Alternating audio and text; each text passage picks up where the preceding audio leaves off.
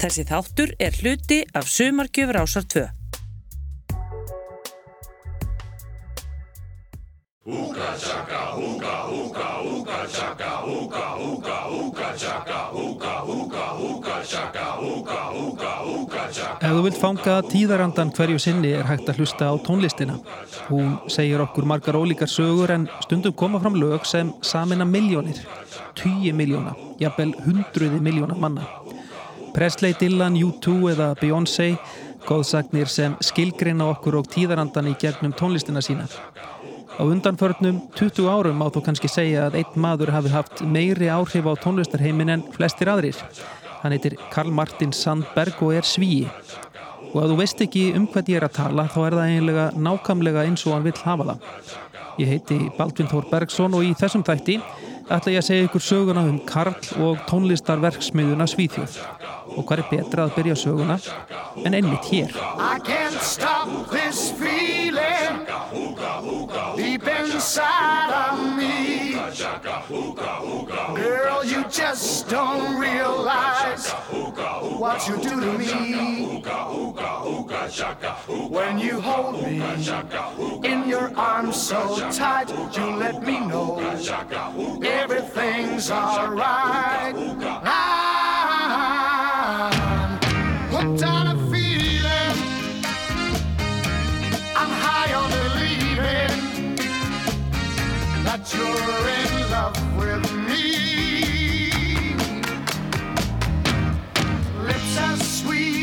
candy, its taste is on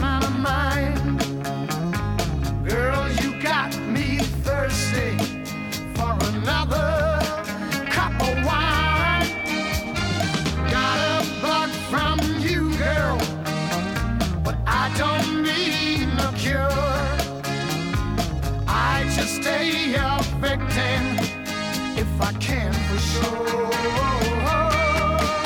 All the good love when we're all alone. Keep it up, girl. Yeah, you turn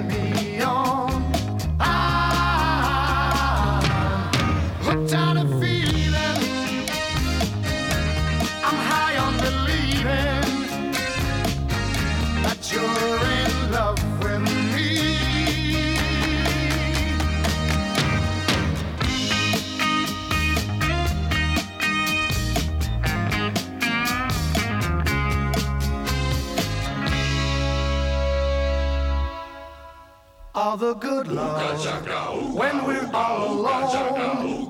Keep it up, girl. Yeah, you turn me on.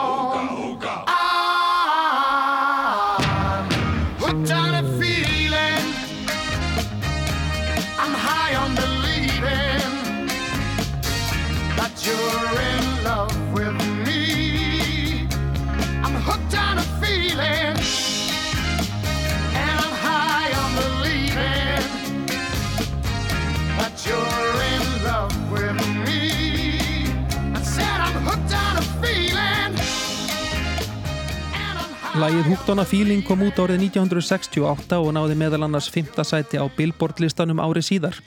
Það var endar ekki þeirri útgáfi sem við heyrðum hér því hún fór í fyrsta sæti listans árið 1974 þá með hljómsettinni Blue Sweet. Söngvarinn Björn Hvífs skerði hitt fræga Ugatjaka ódöðulegt tauk þess sem þeir breyttu textanum þannig að tilvísun í vímuöfnaneyslu var fjarlægð. Ekki að spyrja að reglusömu svíjónum. Þetta var í fyrsta skipti sem Svíi komst á toppin á hennum viðfrægar Billboard Hot 100 eða Billboard Hate 100 listanum en ekki það síðasta. Því hver mann ekki eftir þessu.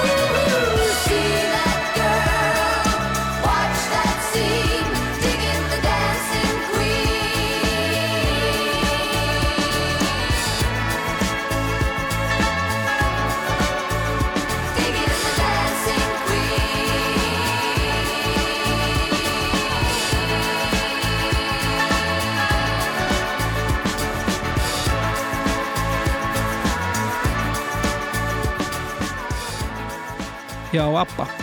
Það er eiginlega ekki hægt að gera útvarstátt um sænska tónlist á þess að spila að minnstakosti eitt ABBA-lag en ég lofaðu verði ekki fleiri, svona fyrir ykkur sem eru ekki á ABBA-vagninum. En þegar kemur að útflutningi á sænskri tónlist þá má vissulega halda þið fram með smá einföldun þó að allt hafi þetta einmitt byrjað með ABBA. Um vinsældir hljómsveitarinnar þarf ekki að fjölir það en segja má að áhrifin hafi ekki hvað síst falist í því að koma svíþjóð á kortið. Skindilega vissu allir að í Svíþjóð mátti finna frábær popbönd, tónlistarfólk og pródusenta.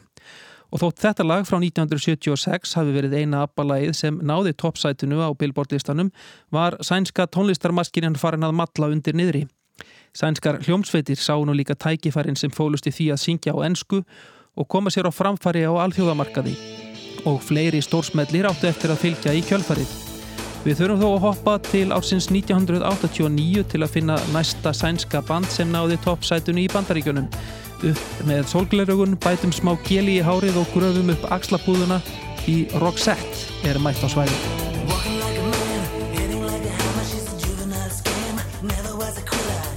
like a raindrop, she's got the look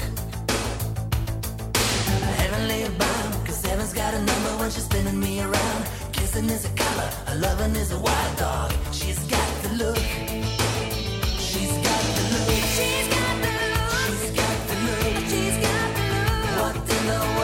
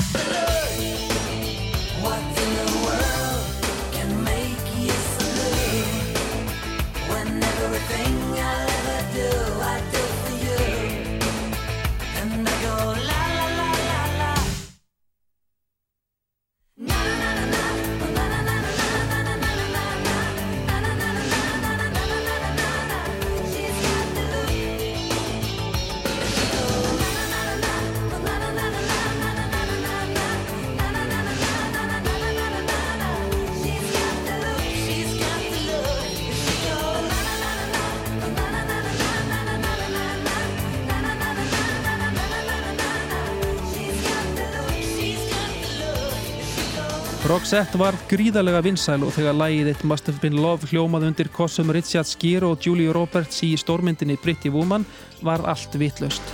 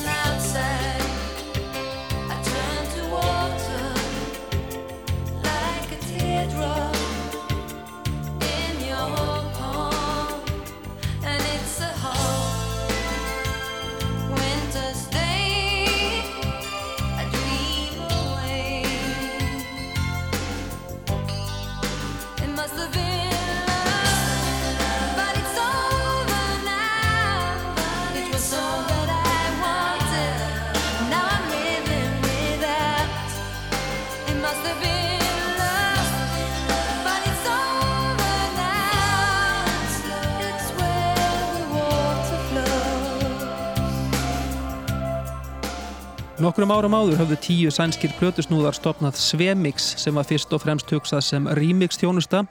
Reyndar var þetta aðalega gert án leifis listamannana en bútleikin urðu vinsæl og vöktu aðtekli. Fljótlega var þetta allt saman aðeins virðulegra og útgáfi fyrirtækið Svemix Records var stopnað og fyrsta lagið frá þeim sem náði vinsældum var þetta.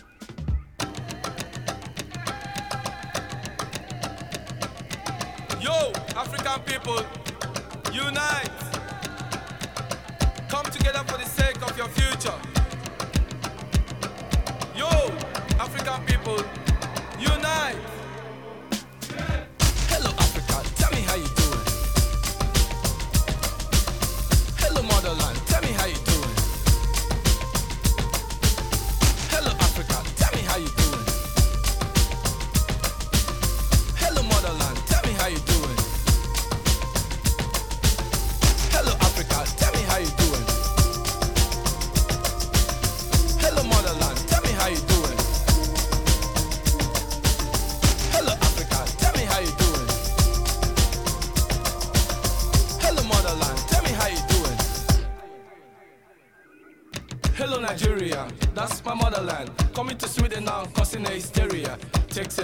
To travel the globe, so why be shy?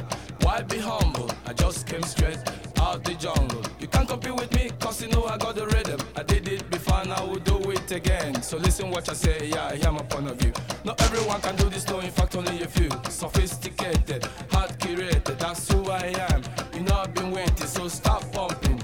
Make some noise. The money can trap the house, I trap the Fulani, trap the Booyah, trap the Zulu, trap me, in the house, me live in the street, elitist takes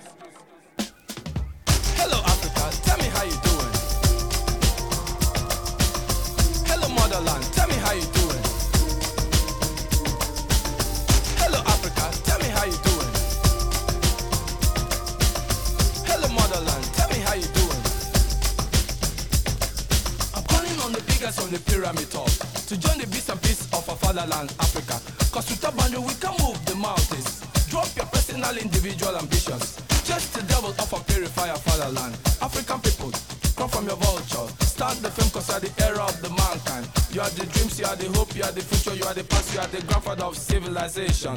This is why ANC want old dog to sit. The impossible just takes a little longer.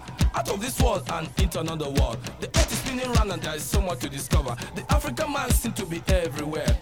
If there are people in the world who know the right is never wrong, stop the fire burning in my home, Africa. Martin Luther King Mandela, you had a dream. Stop evidence and equality for men. Já, Dr. Alban sem var reyndar þekkt nafn í Svíþjóð eftir að hafa gefið út mjög vinsalt forvarnalag um drengi á skellinöðrum. Nei, þetta er ekki grín og ef þið viljið skemmt ykkur í nokkra mínútur mæli ég eindreiði með því að þið farið á YouTube og sláið þar inn tíu smó moppapóikar sem á íslensku myndi einfallega heita tíu litlir skellinöðrudrengir. Þið viti vantarlega hvernig fer fyrir þeim. En aðalmaðurinn á bakvið Svemix Records var Dennis Pop sem árið 1992 tók yfir hluta af útgáfinni og breytti nafninu í Sharon Studios. Um þetta leiti fekk Dennis sendt til sín pröfuútgáfu af lægi sem var kallað Mr. Ace. Dennis var reyndar ekki hrifin af þessu rapskotna lægi og hafði lítinn áhuga á að gera eitthvað með það. En örlögin eru fyndin. Spólan festist vist í kassetutækinu í bílnum hans og hann þurfti að hlusta á það aftur og aftur og aftur og aftur. Þetta er hann loksins heyrði eitthvað sem gæti kannski virkað. Dennis gerði margar breytingar á læginum, tók út rappið og setti reggi hljóma á poppið og út úr þessu öllu var til lægið All That She Wants og Ace of Base var komin á kortið.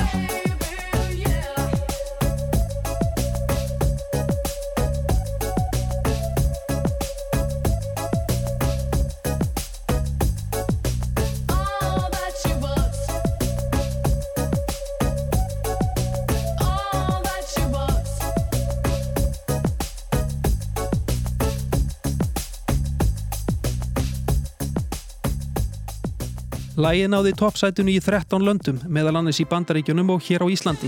En þrátt fyrir velgengni Ace of Base, þá gekk ekkert sérstaklega vel í plötu útgáfinni hjá Sharon. Kanski var það takmarkaður árangur þar sem var til þess að Dennis ákvaða að snúa sér enn meira því sem var kannski þeirra helstistýrkur að semja og taka upp lög fyrir tónlistafólk.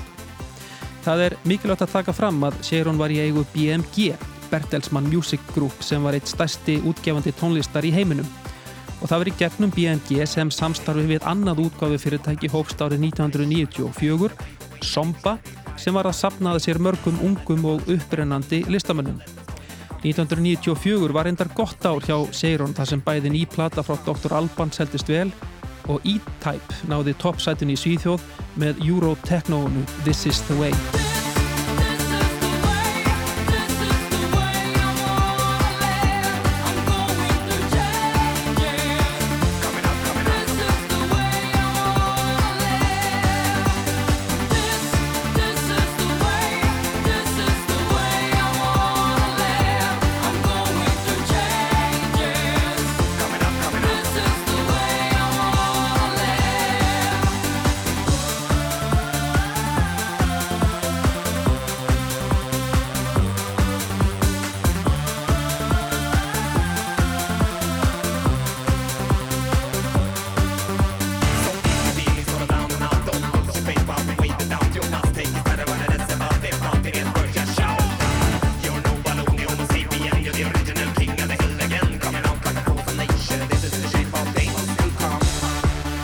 Sem kom að gerð þessara laga og var að stíga sinn fyrstu skrefi í bransanum var söngvari í nokkuð misefnaðri hljómsveit sem hétt It's Alive.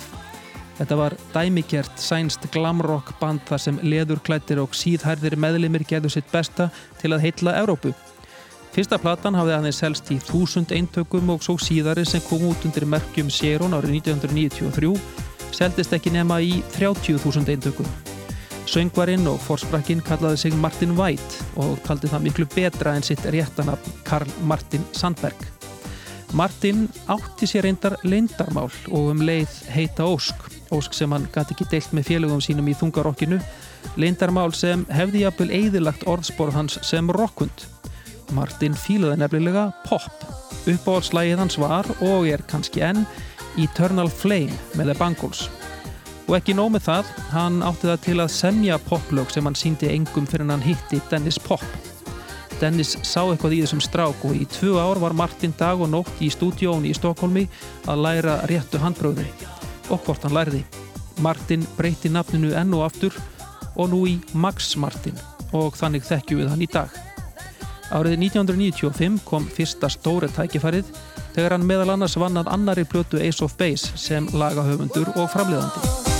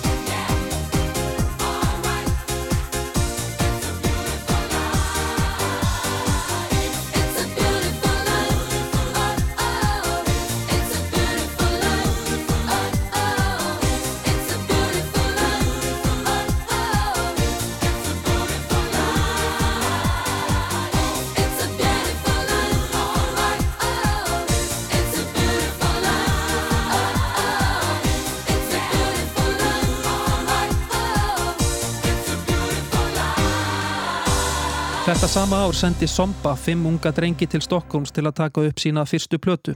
Þeir voru feimnir enda í fyrsta skipti í Evrópu en voru tilbúinir að setja ferilsinn í hendurnar á mönnunum sem gerðu Ace of Base að stjórnstjörnum.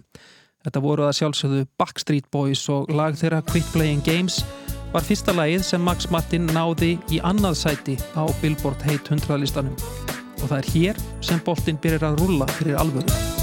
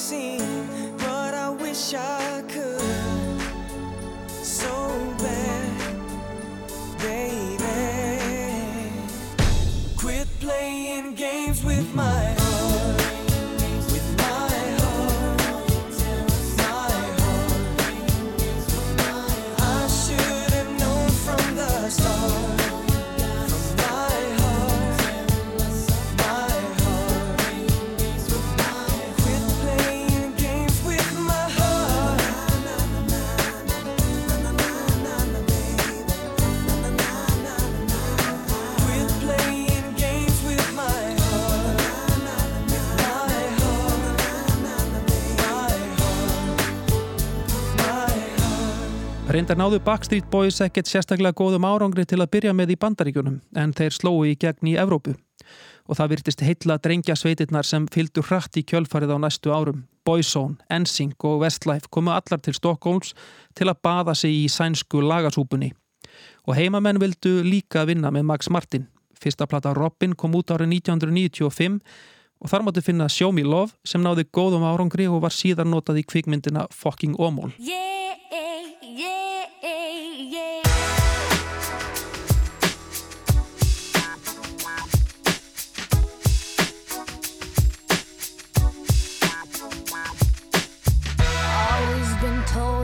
I've got too much pride. Too independent to have you by my side. But my heart said all of you were safe.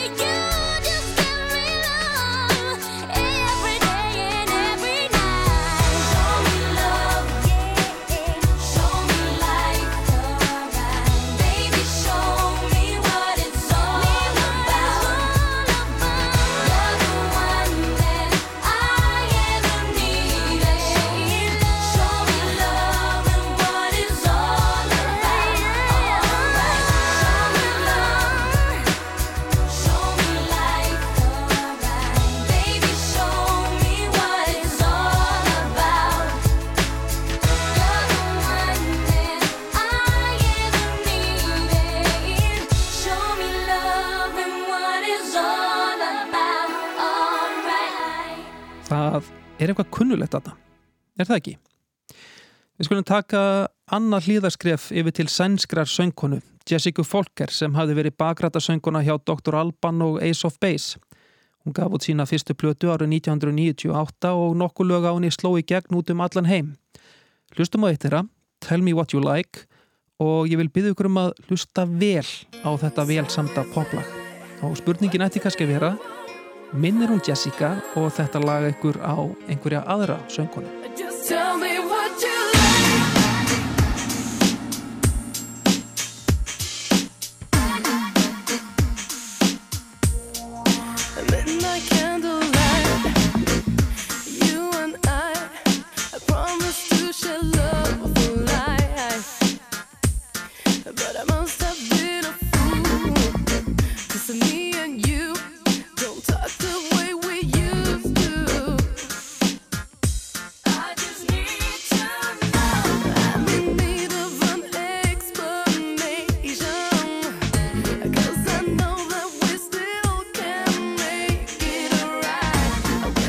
Max Martin hitti Britney Jean Spears í fyrsta sinn árið 1997 þegar hún var aðeins 15 ára.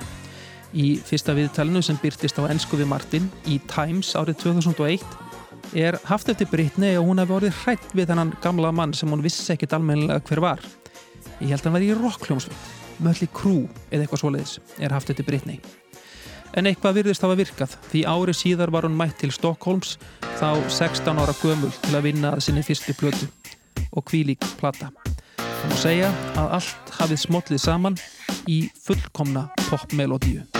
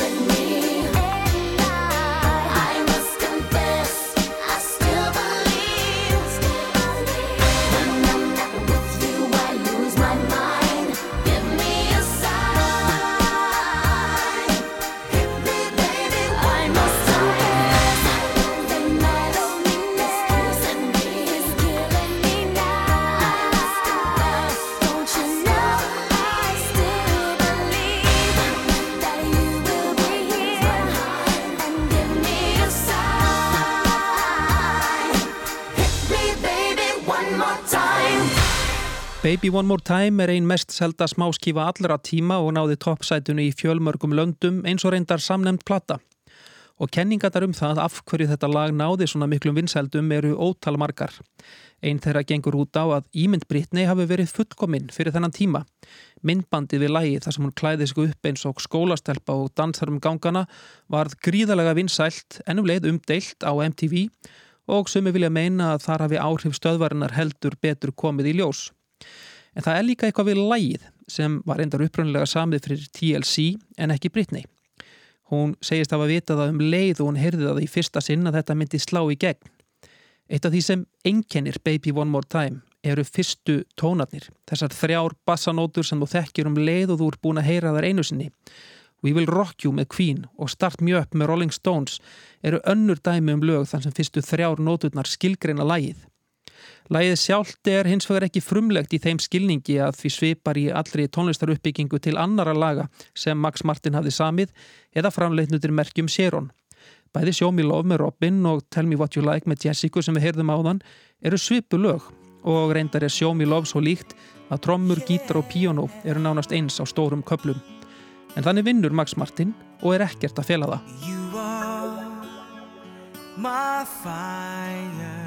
The one desire.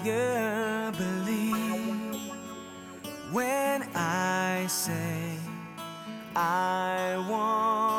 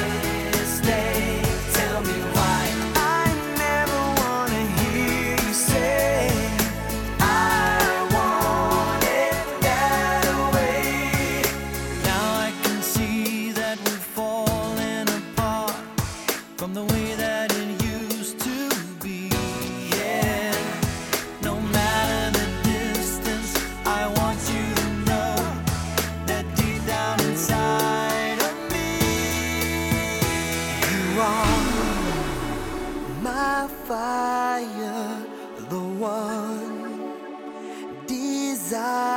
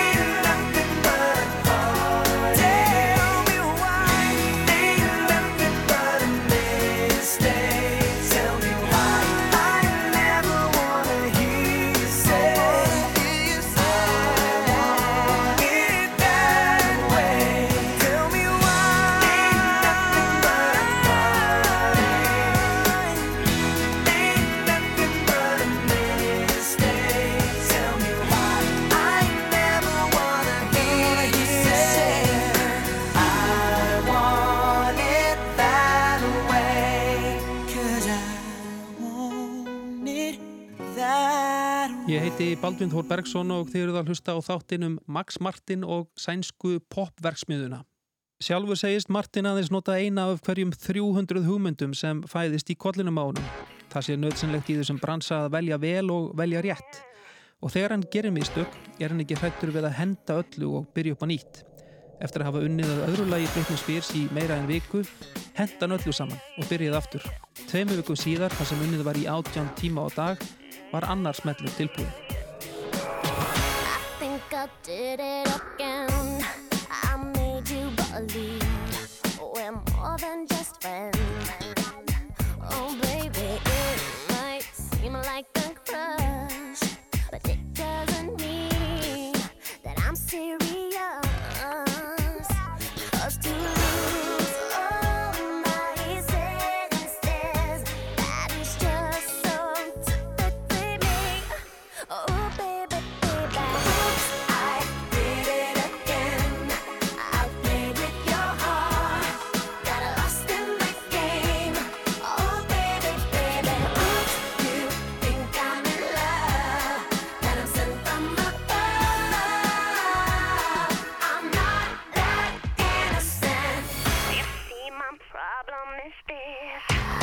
Dreaming away.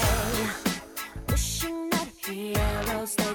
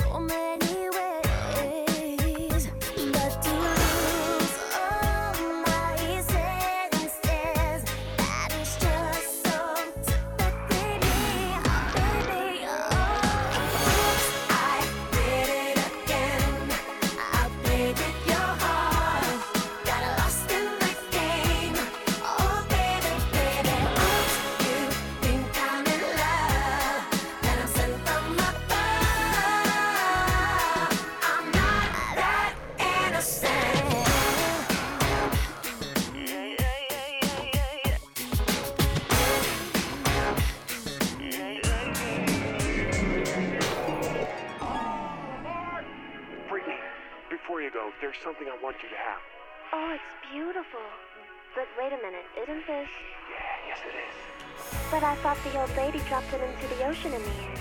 Well, baby, I went down and got it for you. Oh, you shouldn't have.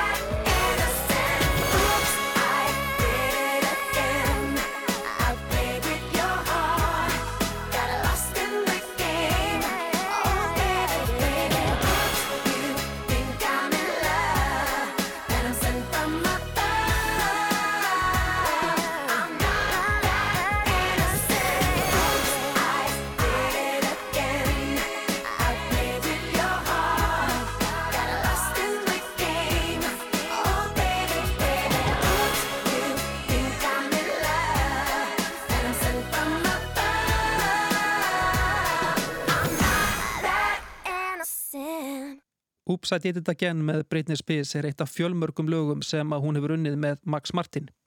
En í viðtali við Sænska dagbladið Dagens Nýheter árið 2016 lýsið Martin því ágætlega hvernig hann byggir upp lög og hvernig hann vinnur. Hann hafi lært að af Dennis að lög verða þekkjast á fyrstu sekundunum.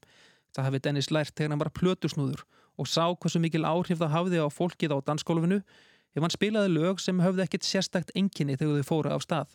Fyrsta sekundan þrýr hljómar sem geta skipt öllu máli. En þrátt fyrir einfaldleikan verði gott poplaga að bjóða upp á eitthvað nýtt sem hægt er að uppgöta smátt og smátt. Það geti til dæmis bara verið orkusteg í viðlögum, aukin kraftur eftir því sem líði og lægið. En það hlustar hann ekkit endilega eftir því sem fólk segir þegar það heyri lögin hans í fyrsta sinn. Hann horfir á fólkið, stúdirar svipbriði og uppkvotur. Það segir svo miklu meira um raunveruleg gæði lagsins.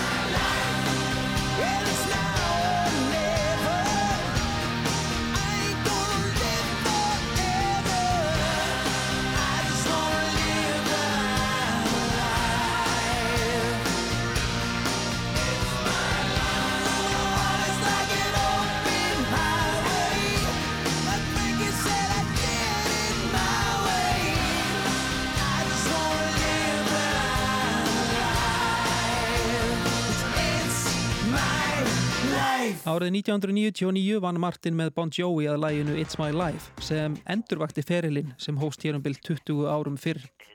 Dennis Popp hafði látist árun áður úr krabbamenni, aðeins 35 árað aldri. Hann var mótorinn á bakvið Sérón stúdióið og með honum hvarfengur neisti sem Max Martin og félögum tókst ekki að feikja aftur undir þessu merkjum. Það var þó ekki vegna skorts á stórum nöfnum. Celine Dion, Brian Adams og Def Leppard höfðu öll farið í gegnum stúdióið og Martin náði meðal annars öðru lægi á efstasæti Billboard listans þegar Ensing sungu It's Gonna Be Me.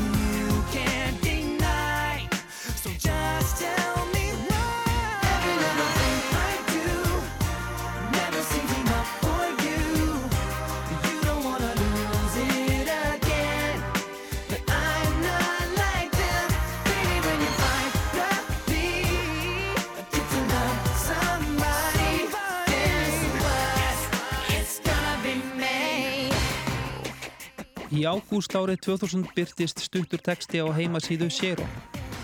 Eftir átta ár af ótrúlegri gleði en einnig mikilli sorg er komið tími til að taka næstu skref.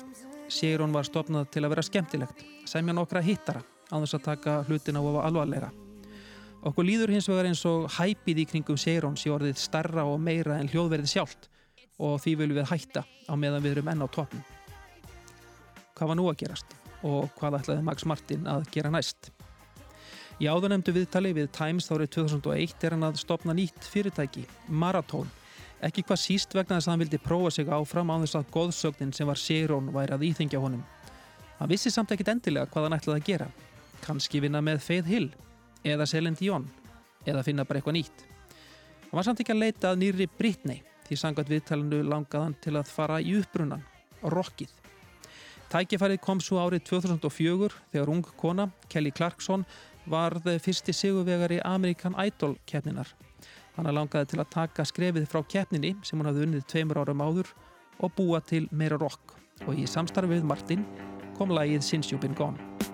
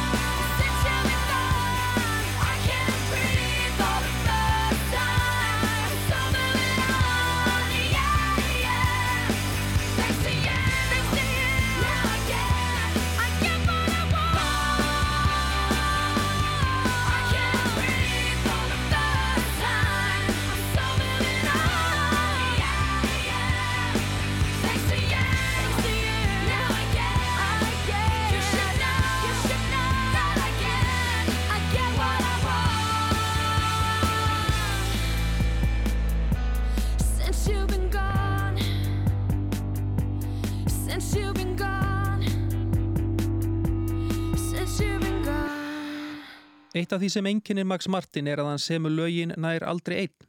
Þetta er hópavinna, segir hann. Lið sem saman stendur af einstaklingum með ólíka styrkleika. Og kannski er það árleðin frá bandaríska hip-hopinu og R&B menningu sem gerða verkum að taktar og húkar eru jafnvel mikilvægar en laglínur. Þar byrjar þetta allt saman, grunnurinn sem allt hitt byggir á. Annað atriði er svo sjálfur söngurinn. Allir sem hafa unnið með Martin segja að hann leggi meiri áherslu á söng en flestir aðrir.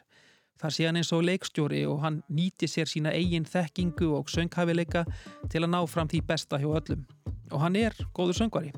Að minnstakosti nógu góður til að hafa verið bakrött hjá Adele þegar þau gerðu samanlægið Send My Love.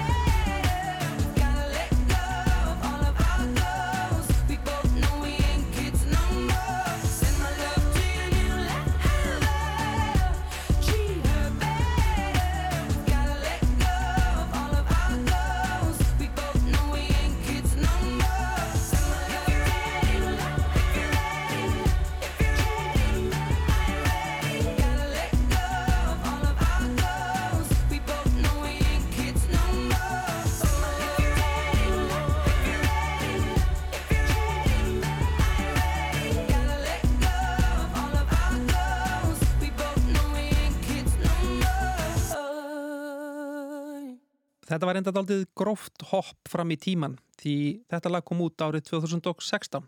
Hverfum hins var aftur til ásins 2008. Martin hafði unnið með fjöldanum öllum af frægum listamennum á árunum þarna undan eins og A.H., Pink, Kelis, Avril Lavigne og James Blunt fyrir utan fjöldan allan af lögu með Britney Spears. En þá var komið að söngunu sem á næstu árum átt eftir að yfirtaka pop heiminn vestra með rockskotnu poppi með svoleiðlum sænskum áhrifum.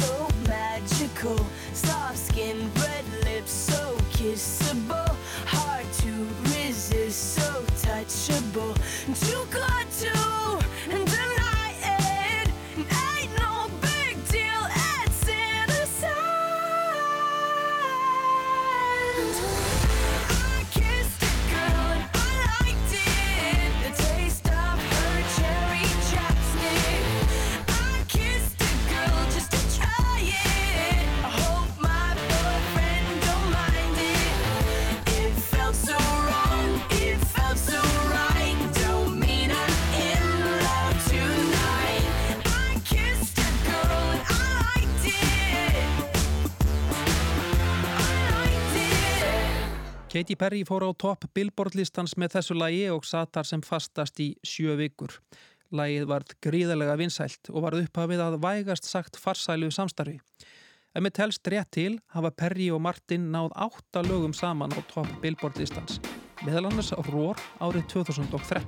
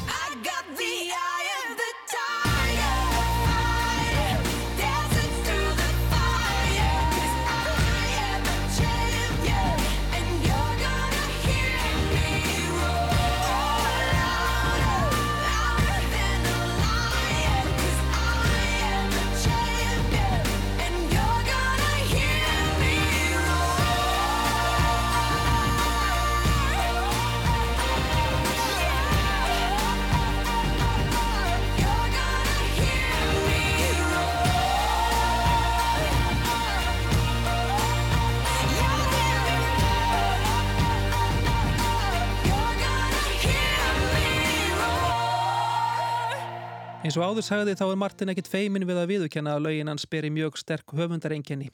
Sama ár og Katy Perry sló í gegn náði Pink á toppin með læginu So What sem gæti allt eins af Valentia Perry eða Kelly Clarkson svona miða við hljóminn. Eða hvað finnst ykkur?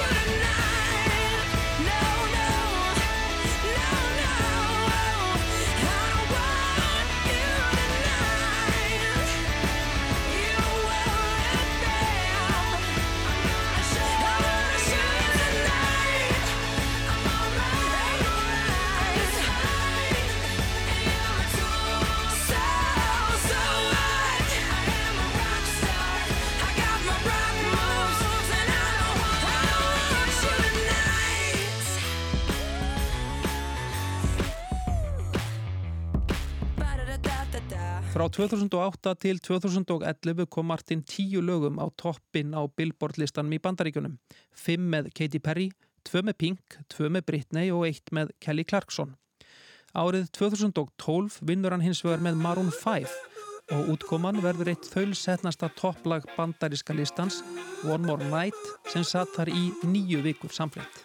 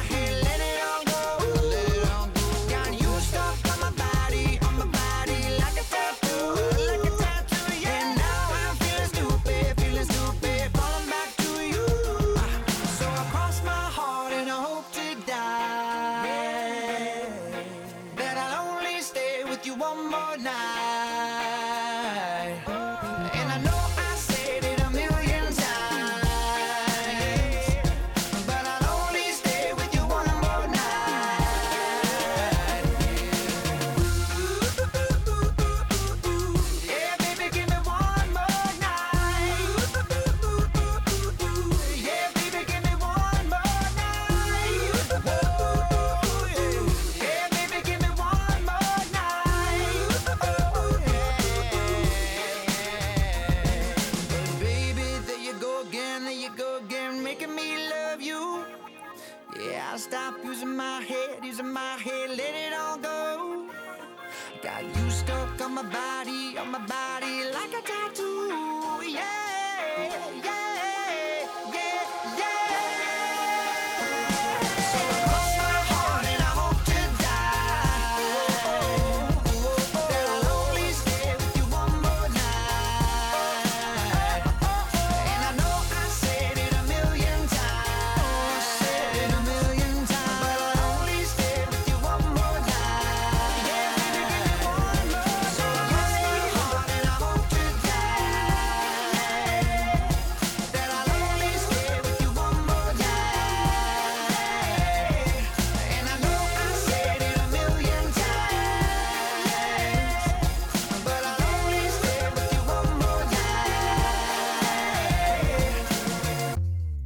Adam Levine, fórsprakki Maroon 5, hefur líst í hversu einbeittur Max Martin sé.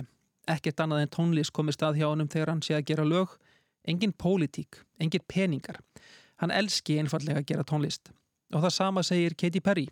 Martin þvingi listamenn aldrei til að gera neitt þótt hann komi alltaf vel undirbúin. Teimið hann sé ungt og fagmannlegt og listamadurinn viti því alltaf að þetta sé hópurinn sem muni gera næsta stóra smell. Um svipaleiti og Martin var að vinna með Perry og Maroon 5 var hann einnig að hjálpa þekktri söngkonu að finna nýjan hljóm. Taylor Swift var á þessum tíma stjarnar í bandaríkjunum en fyrst og fremst sem country söngkona. Þetta breytist allt með plötinni Red þar sem Martin samti þrjú lög með henni meðal annars þetta.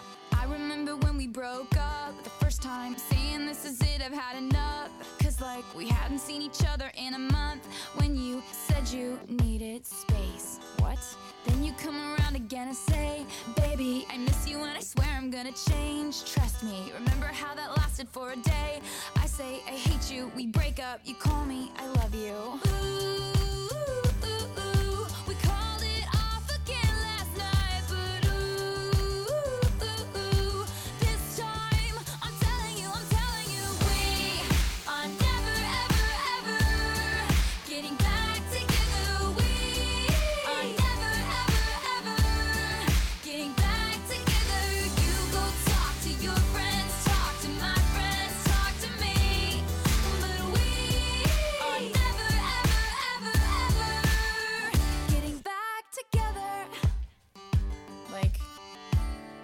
forever.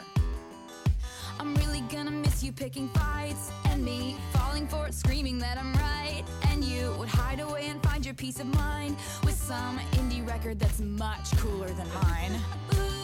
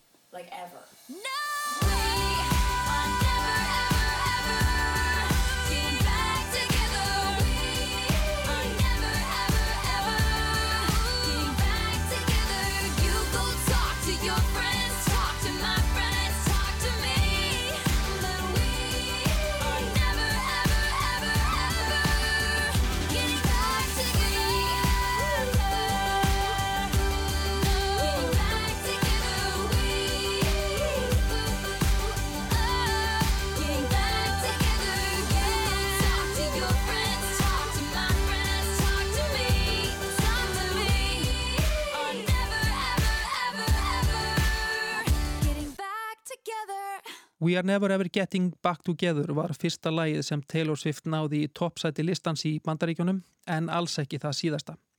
Vinsalasta lag hennar, ef miðað er við sæti á vinsallalistum og sölu, er Shake It Off sem kom út á plötunni 1989 árið 2014. Það rauk beint í toppsætið og platan er með vinsalustu popplötum sem komið hafa út á setni árum.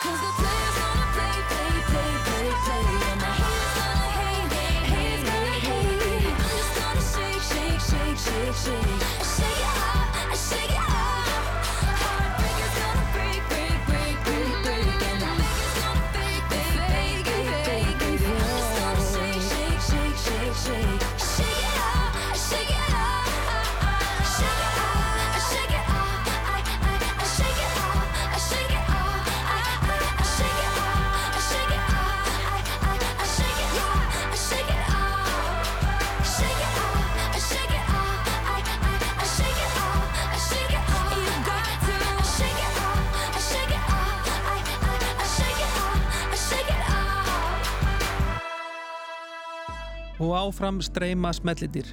Árið 2015 var komið að The Weeknd og læginu Can't Feel My Face til að ná toppnum. And I know she'll be the death of me, at least we'll both be numb. And she'll always get the best of me, the worst is yet to come. But at least we'll both be beautiful and stay forever young. This I know, this I know. She told me don't worry. She told me don't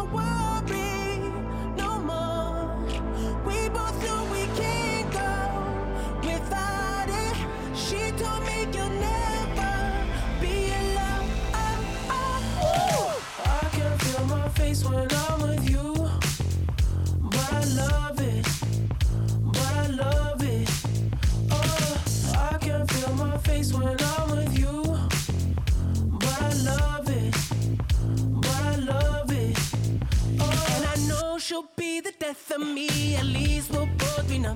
And she'll always get the best of me, the worst is yet to come. All the misery was necessary when we're deep in love. Yes, I know, yes, I know, girl, I know. She told me don't worry.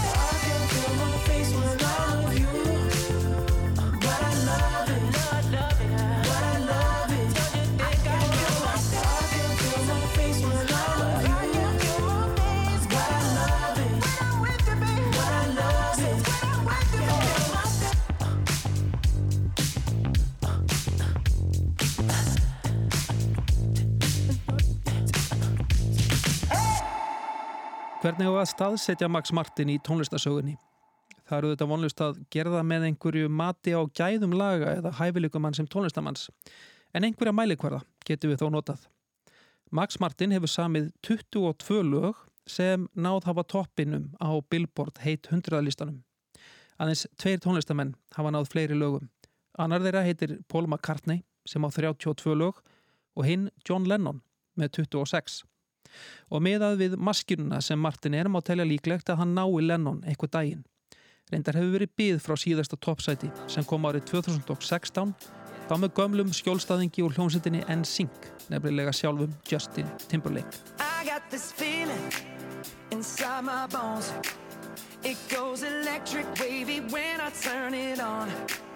Off from my city, off from my home. We're flying up no ceiling when we in our zone. I got that sunshine in my pocket, got that good soul in my feet. I feel that hot blood in my body when it drops. Ooh, I can't take my eyes off of it, moving so phenomenally. You're more like the way we rock it, so don't stop.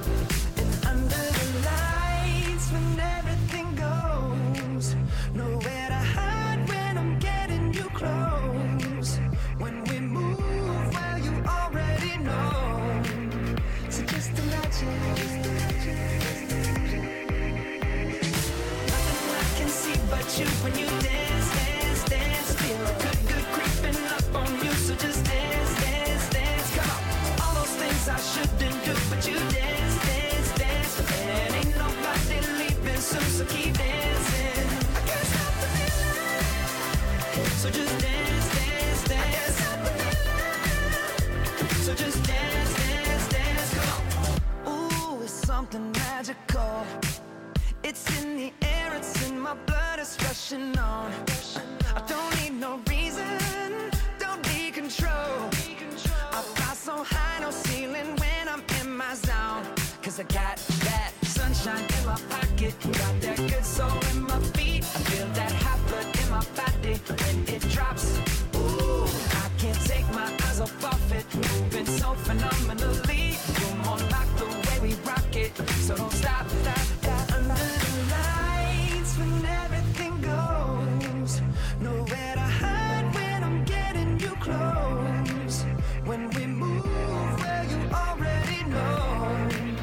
So just imagine. Nothing I can see but you when you dance, dance, dance. Feel the good, good creeping up on you. So just dance,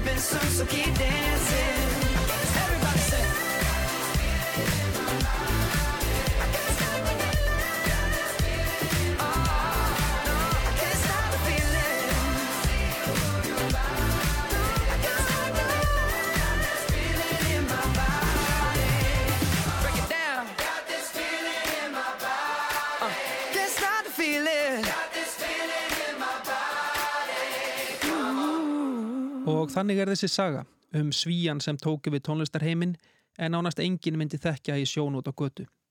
Svíþjóð er núna þriðji stærsti útflýljandi tónlistar í heiminum og eftir bandaríkinum og Breitlandi og Spotify hefur haft gríðarlega áhrif á tónlistarheiminn á síðustu árum. Martin segir sjálfur að ástæðan fyrir þessari velgengni svíja sé einföld. Tónlist sé svo stór hluti af þjóðarsálinni.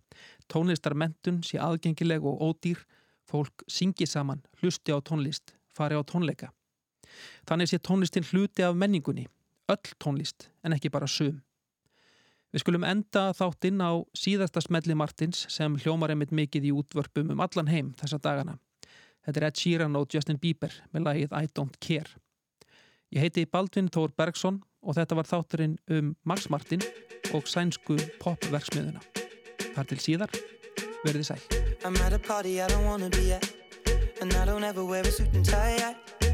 Wondering if I can sneak out the back. Nobody's even looking me in my eyes. Can you take my hand, finish my drink, say, shall we dance? Hell yeah. You know I love you, did I ever tell you? You make it better like that. Don't think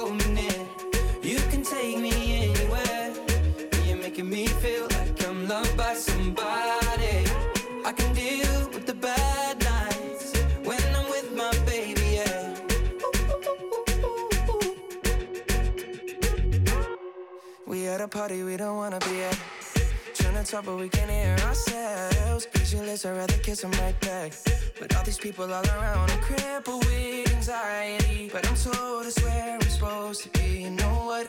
It's kinda crazy, cause I really don't mind. Can you make it better like that?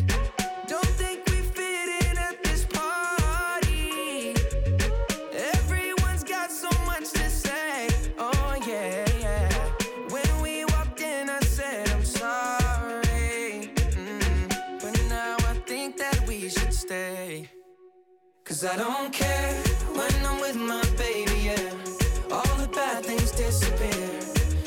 making me feel like maybe I am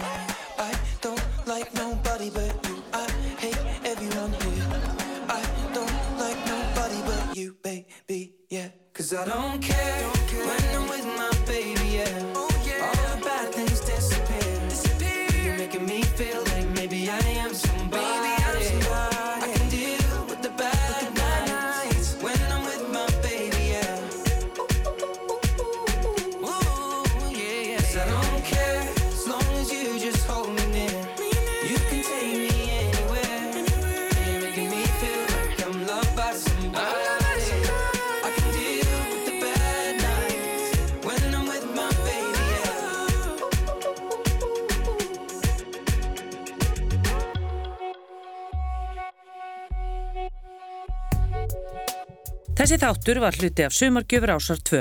Þú getur nálgast fleiri þætti úr safnir ásar 2 í spilaranum á rúf.is, í rúf appinu fyrir snjalltæki og öllum helstu hlaðvarpsveitum.